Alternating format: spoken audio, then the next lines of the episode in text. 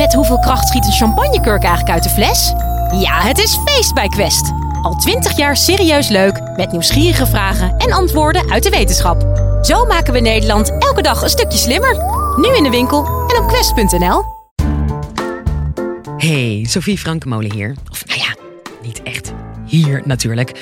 Je hoort mijn stem omdat je op play drukte. Maar eigenlijk ben ik nu zelf hoogstwaarschijnlijk boodschap aan het doen... of eh, ja, mijn sportles aan het eh, boeken of aan het cancelen. Maar goed, ik ben virtueel aanwezig bij jou. Nu, hier, op dit moment. Gezellig. En wist je dat virtuele werelden ons kunnen helpen bij psychische problemen? Trauma's bijvoorbeeld. Virtual reality deskundige Willem-Paul Brinkman van de TU Delft legt uit hoe dat werkt. Dit is de Universiteit van Nederland. Een kerstverhaal, daar wil ik mee eh, beginnen. A Christmas Carol, Dickens, uit 1843. Jullie kennen het allemaal. Met de hoofdrolspeler Scrooge. Een enorme vrek. En wat gebeurt er met uh, Scrooge? S'avonds op kerstmisnacht komt een oude businesspartner bij hem langs. En die vertelt hem, je moet je veranderen. Je moet je leven gaan veranderen. Want als je zo doorgaat, dan als je doodgaat, dan zou je de rest van oneindigheid over de wereld blijven dolen als straf. Nou, is het niet zo gek dat er af en toe een businesspartner je komt waarschuwen? Was het niet dat deze al twee jaar dood was? Dus dat is al enigszins vreemd aan het verhaal.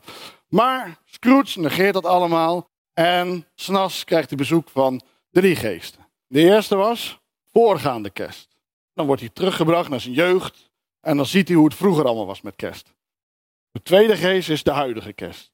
Die laat hem zien hoe zijn businesspartners en zijn collega's, zullen zeggen, thuis eh, kerstmis vieren en hem eigenlijk over hem ook nog een beetje aan het roddelen zijn. En de laatste is de geest van toekomstige kerst. En dan, die laat hem zien wat er gebeurt als hij zal overlijden. Iedereen enorm feest. Ze staan geloof ik te dansen op zijn kist. Nou, wat ik nou zo interessant vind aan dat kerstverhaal, leuk verhaal natuurlijk. Maar het interessante aan het verhaal is dat Scrooge na die ervaringen zichzelf gaat verbeteren. En als hij ochtends wakker wordt, gaat hij weer aardig zijn tegen andere mensen. Hij wordt vrijgevend en hij is dus helemaal veranderd. Dus die ervaring die hij heeft opgedaan, verandert de mens. Wat kunnen we hier nou van leren? We kunnen één ding bijvoorbeeld zien. Dus als je iemand wil veranderen, nodig drie geesten uit. Is misschien wat moeilijk? Ik wil een makkelijker voorstel doen. Zet iemand in virtual reality. Want virtual reality eigenlijk is eigenlijk niks anders als een ervaringgeneratormachine. Nou, dat wil ik laten zien, hoe het dus mogelijk is door mensen een ervaring te geven, dat mensen gaan veranderen. Nou, daarbij wil ik eigenlijk praten over een onderzoek wat we doen. Mensen met posttraumatische stressstoornissen. Die hebben iets verschrikkelijks meegemaakt in hun jeugd. Neem bijvoorbeeld mensen die seksueel misbruikt zijn. Ik heb een verhaal gehoord van een persoon die ons systeem heeft gebruikt, waarbij ze zelf een ruimte moeten nabouwen, een kamer moeten nabouwen, waar bijvoorbeeld het misbruik is gebruikt. Deze persoon, wat zij zei, ze zei, ik wist altijd wel, dat heeft iedereen me ook verteld, ik was klein, ik kon er niks aan doen. Maar toch knaagde iets van binnen dat ze het gevoel had van, ik had het iets moeten doen. Ik had niet zo makkelijk moeten toegeven of zo. Enigszins is mijn schuld. Nou, het mooie is, met virtual reality moest deze persoon die kamer nabouwen. Zichzelf erin zetten, maar ook de dader. En toen zag ze eigenlijk fysiek wat er eigenlijk aan de hand was. Ze zag ineens dat zij hartstikke klein was en een hartstikke grote dader daarbij zat. En toen realiseerde zich door te zien van ik had er helemaal niks aan kunnen doen. Ik was gewoon machteloos. Die volwassene, die had het voor het zeggen. En dat kan je dus doen met virtual reality. Je kan dus teruggaan in de tijd en opnieuw eigenlijk een interpretatie geven van zo'n gebeurtenis. Daar wil ik jullie meenemen naar een onderzoek wat mensen gedaan hebben. Die hebben mensen uitgenodigd, een aantal proefpersonen, en hebben gezegd, kom binnen, kom binnen. We willen wat fotomateriaal van jullie. En hebben ze genomen en toen hebben ze gedaan, hebben ze dat fotomateriaal gebruikt om een virtueel karakter van iemand te maken. Dus wat hebben ze gedaan? Een karakter van die mensen gemaakt. En hebben ze in virtual reality die persoon laten zien. Maar wat deden ze nou? Ze deelden die groep op in drie. Eén groep zag zichzelf in virtual reality aan het sporten op een, uh, op een lopende band. De andere groep zag zichzelf een beetje staan te lummelen, niks aan te doen. En de derde groep zag iemand anders aan het sporten. Nou, ze zeiden helemaal niet wat ze ermee aan moesten. Ze hadden tegen deze proefpersonen gezegd: je moet een beetje op een borst letten, daar komen wat cijfers en achteraf gaan we dat vragen. Mensen een paar minuten zitten kijken, daarna dankelijk uh, bedankt, vriendelijk. Ze mochten naar huis. Maar de dag daarna belden ze die mensen op en zeiden ze, wel vragen, heeft u gisteren aan sport gedaan? En nou wordt het interessant wat het verschil is tussen die groepen. Wat denkt u wat het verschil was tussen de groep die zichzelf heeft zien sporten?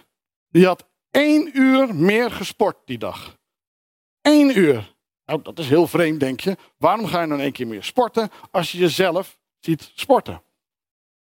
Mensen leren door ook mensen na te doen. Dus als ze iemand anders iets zien doen, denken ze, nou, dat kan ik eigenlijk ook wel.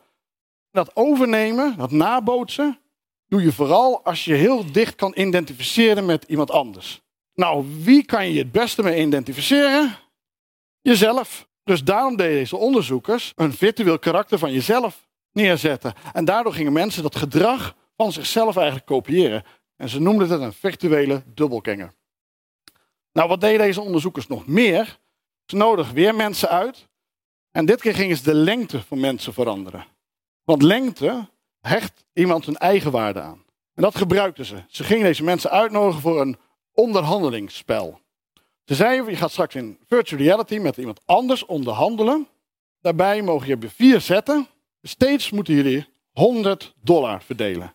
En één iemand is aan de beurt en die mag bepalen wat er gebeurt met dat geld. Die mag zeggen, nou, het wordt 50-50. Jij krijgt 50 en ik krijg 50. Of ik kan zeggen, 90 voor mezelf en 10 voor jou.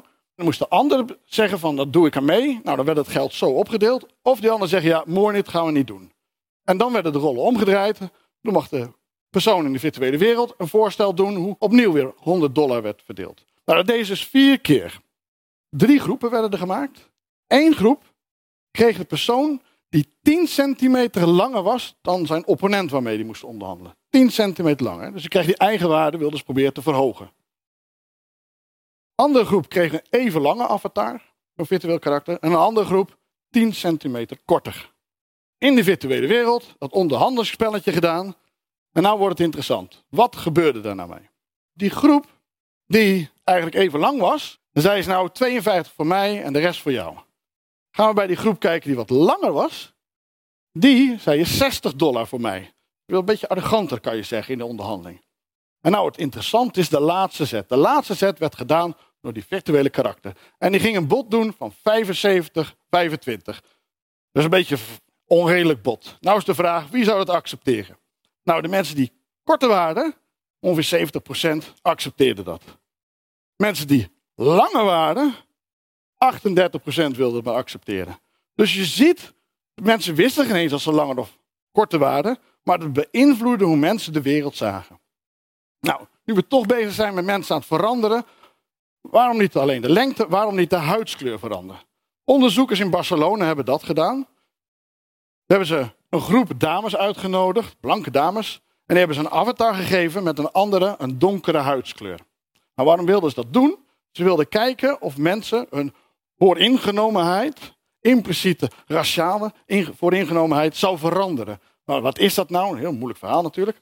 Nou, denk eerst dat je in de krant zou lezen de hele tijd over marsmannetjes die fietsen jatten. Overal in de krant jatten. Fietsen jatten.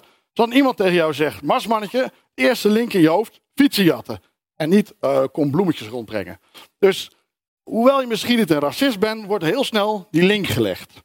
Nou was de vraag die die onderzoekers hebben, als je nou jezelf met een andere huiskleur zou zien voor een tijdje, zou dat veranderen. Hoe zagen die mensen dat nou?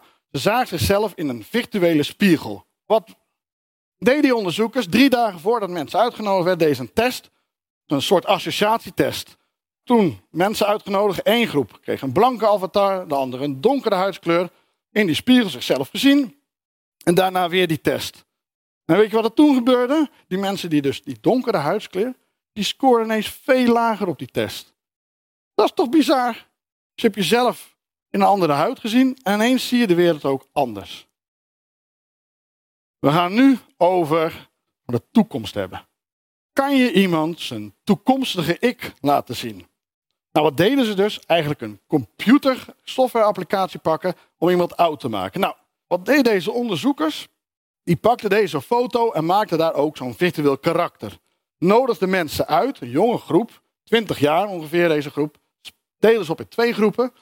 Eén groep kreeg een avatar te zien om wat ze nu waren, 20 jaar, ook in zo'n virtuele spiegel. En een andere groep kreeg een avatar te zien, zo'n virtueel karakter, dat ze 70 waren. En dan mochten ze ook eventjes een tijdje kijken in de spiegel. En daarna zei ze, dankjewel, dankjewel dat je dat even gedaan hebt. We hebben een interessante vraag voor jou. Nou, stel je voor, je krijgt 1000 dollar. Hoe ga je dat verdelen? En we hebben vier opties die we geven. Je kan het aan iets leuks uitgeven, een object, weet ik van een mooie dure auto. Of uh, kan je daarvoor sparen. Of een feestje of zo, is een event. Kan het op de bank zetten. Of je kan het wegzetten voor een pensioen. Nou wordt natuurlijk de vraag, hoeveel geld hebben die mensen nou weggezet gemiddeld voor een pensioen? Voor de mensen die dus zichzelf zagen, die deden gemiddeld 80 dollar. Die oude groep, die ik heb gezien, maar van 70 jaar oud. Die zetten gemiddeld 172 dollar weg. Dus twee keer zoveel. Twee keer zoveel als je mensen even hun oude ik laat zien, gaan ze ineens veel meer nadenken over een pensioen. Waarom is dat nou? Wat deze onderzoekers eigenlijk zeiden, het is voor mensen heel moeilijk om een connectie te maken met een toekomstige ik. Dit is bijna een vreemdeling die je eigenlijk nooit gaat zien en daar moet je geld gaan wegzetten voor je pensioen. Nou, met dit onderzoek wilden ze laten zien, als je iemand dus heel concreet zichzelf over zoveel jaar kan laten voorstellen, kunnen ze die connectie leggen. En dan zijn ze eerder bereid om te gaan sparen voor een pensioen. Ik heb laten zien dat je dus virtual reality kan gebruiken om ervaringen te genereren. En eigenlijk het punt is, als je het samen wil vatten, het college, is eigenlijk ervaringen kan je mensen laten veranderen. Met virtual reality kan je ervaringen genereren, dus als je bij elkaar nemen. Met virtual reality kan je dus mensen veranderen. Dat was Willem-Paul Brinkman.